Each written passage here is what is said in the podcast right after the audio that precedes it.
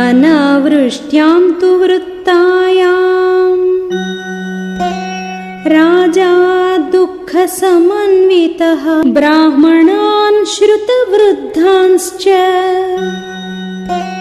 समानीय प्रवक्ष्यति।